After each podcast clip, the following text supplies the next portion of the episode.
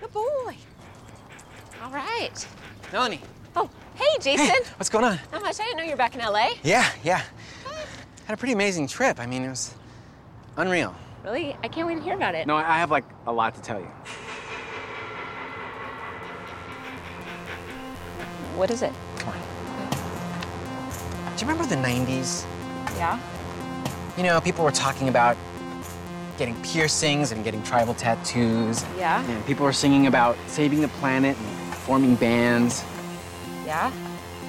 There's a place where that idea still exists a- as a reality, and I've been there. Where is it? Portland. Oregon? Yeah.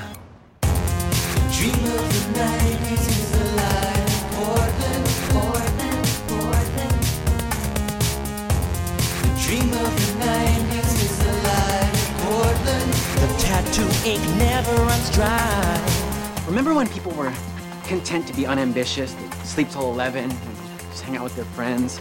I mean, they had no occupations whatsoever, maybe working a couple hours a week at a coffee shop. Right. I thought that died out a long time ago. Not in Portland. Portland is a city where young people go to retire.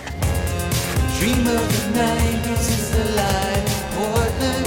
All the hot girls wearing glasses. Remember in the 90s when they encouraged you to be weird? It was just an amazing time where people would go to see something like the Jim Rose Sideshow Circus and watch someone hang something from their penis. You could grow up to want to be a, a clown. Like people went to clown school. I gave up clowning years ago. Well, in Portland, you don't have to. Dream of the 90s is the life, Portland. Sleep till 11. You'll be in heaven. The dream of the 90s is alive in Portland. The dream is alive. So, from what I can surmise from what you're positing, it's like Portland's almost an alternative universe. It's like Gore One. The Bush administration never happened. Exactly. In Portland, it's almost like cars don't exist, right? Yes. They ride bikes or double decker bikes, they ride unicycles, they ride the tram, they ride skateboards. Dream of the 90s is alive, Portland. My flannel shirt still looks bloody. Dream of the 90s is alive, Portland. The dream of the 90s is alive in Portland.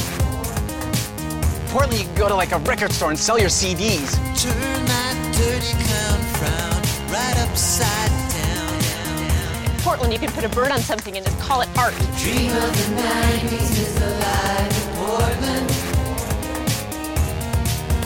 The dream of the Hey, I made it. Yeah, you're, you're a little late. Sorry.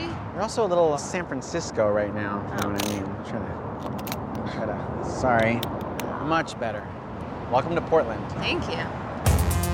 dream of the 90s